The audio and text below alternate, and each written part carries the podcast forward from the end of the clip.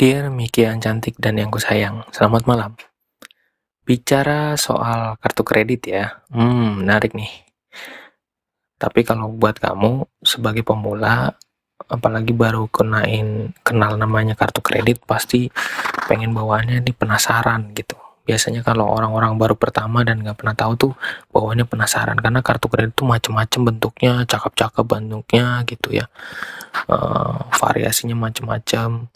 Tapi sebenarnya kalau gaji kita masih tipis-tipis sebaiknya sih Gak usah ya, sebenarnya nggak usah. Karena kartu kredit itu bukan kewajiban. Memang yang paling benar itu adalah ketika kita beli barang, kita pakai uang kita, uang cash gitu. Jadi aslinya tuh itu nggak nggak nggak urgent banget. Tapi kenapa kartu kredit itu hadir? Karena ternyata ada fenomena di mana orang sebenarnya udah punya uangnya, tapi nggak kebetulan nggak bawa uangnya dan kebetulan bisa bayar secara uh, non cash gitu. Jadi kartu kredit itu akhirnya hadir untuk menjawab kebutuhan di mana ada orang-orang yang berpergian, mungkin dia lupa bawa kartu kredit, eh mungkin dia lupa bawa uang tunai sehingga dia butuh uh, butuh uang, uh, tapi sebenarnya duitnya itu udah ada, cuman dia bayar dulu pakai kartu kredit gitu. Jadi konsepnya itu, jadi bukan ngelihat kartu kredit itu, oh ya udah kita ngutang, oh itu uang tambahan, oh bukan bukan. Jadi mentorku sendiri juga akhirnya menyadarkan aku bahwa kartu kredit itu sebenarnya bukan uang tambahan, bukan.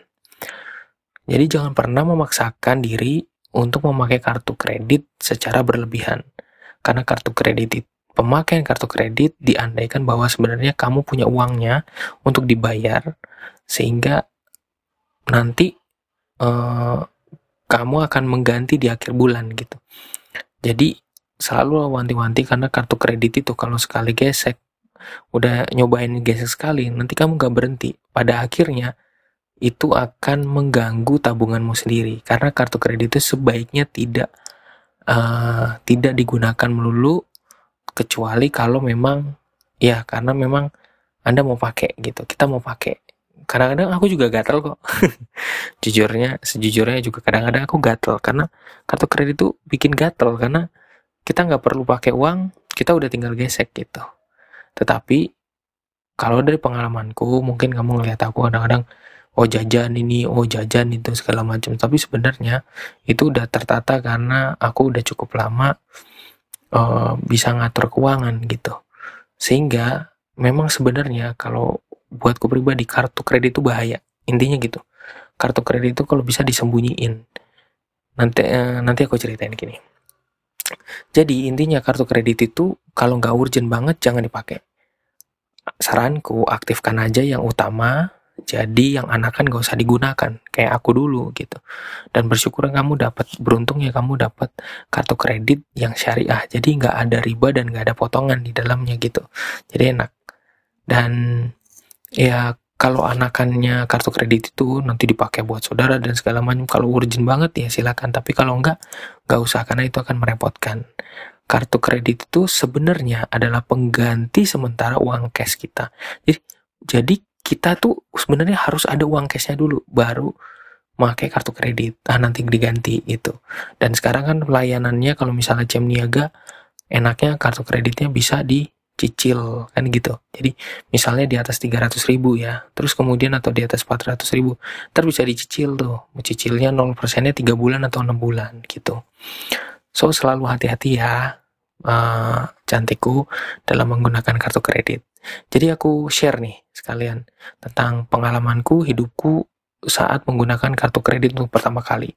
Dulu sebenarnya nggak suka pakai kartu kredit, nggak pernah kenal waktu kerja, jadi nggak pernah kepikiran juga bakal dikirimin kartu kredit gitu. Dan aku sedikit punya pengalaman pahit, nggak enak waktu uh, sering banget diajak sama pasangan saat kalau misalnya sering banget waktu udah mulai menikah terus kemudian kita isi bensin nih. Isi bensinnya kan aku pakai uang cash karena karena waktu itu belum ada ngerti atau kredit. Nah kadang-kadang kita uh, kan terima gajian terus kemudian dengan dengan masih uh, masih baru pengalaman baru ya. Jadi duitnya tuh sering sering banget disindir. Duitnya habis-habis terus sih. Emang buat apaan? Buat bensin lah. Ah bener yang bener.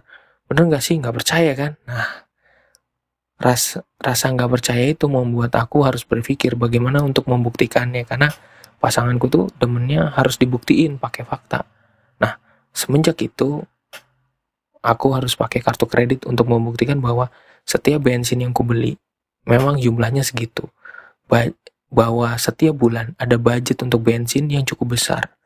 Mungkin dia nggak nge karena nggak pernah biasa, ya kan naiknya kan angkot terus segala macam. Dan ketika kita punya pri mobil pribadi atau motor pribadi, itu nanti ada kosnya sendiri, ada bensin. Nah, supaya meyakinkan bahwa uh, meyakinkan bahwa benar-benar aku bayar. Nah, makanya kita baru pakai kartu kredit itu. Sebenarnya duitnya udah ada, jadi kita bayar dulu pakai kartu kredit itu. Nah, untuk untuk bisa kan untuk bisa nunjukin gitu katanya Mbah Chat GPT ya kartu kredit itu alat pembayaran yang digunakan untuk berbagai keperluan transaksi. Kartu kredit itu memudahkan orang melakukan transaksi tanpa harus bayar uang tunai satu itu kan. Mbah, Mbah GPT aja bilang gitu chat GPT meningkatkan daya beli iya dong benar dong. Jadi orang pakai kartu kredit orang tuh jadi pengen beli banyak. Pengen beli niat belanjanya pengen beli ya. Eh, niat belanjanya jadi tinggi sorry. Niat belanjanya jadi tinggi karena bisa dicicil gitu. Karena ada bisa cicilan. Nah jadi dia beli di awal terus kemudian dicicil. Nah pembayarannya juga bisa dicicilkan jadi fleksibel. Terus kemudian eh, biasanya kartu kredit kan juga ada fitur keamanan ya verifikasi gitu. Dan itu ya biasalah. Cuman di sini chat GPT juga nekenin bahwa perlu diingat bahwa penggunaan kartu kredit itu harus diatur dengan baik agar tidak terjebak dalam hutang yang sulit dilunasi. Begini loh maksudnya. Kamu punya budget 9 juta atau 8 juta.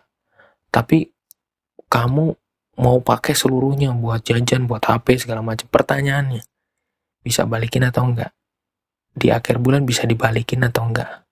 Kalau cicilan yang nggak bisa dan malah utang dan malah akhirnya uh, bikin malam tetap utangnya makin gede, berarti itu sebenarnya kamu gak mampu.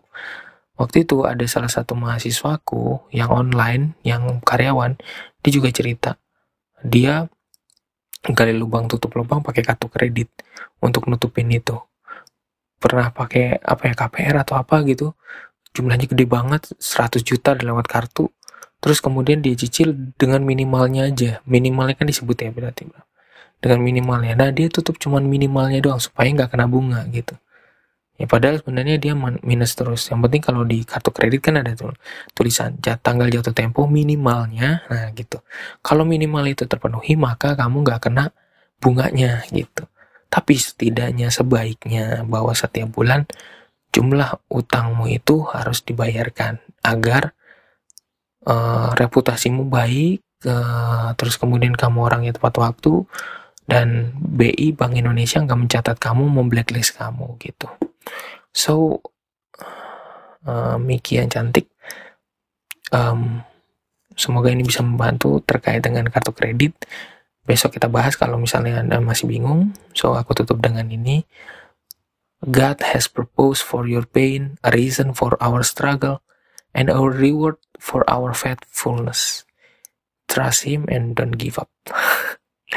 Tuhan beri saya keteduhan untuk menerima hal-hal yang tidak dapat saya ubah, keberanian untuk mengubah hal-hal yang saya dapat ubah, dan kebijaksanaan untuk mengetahui perbedaannya. Selamat malam, selamat istirahat.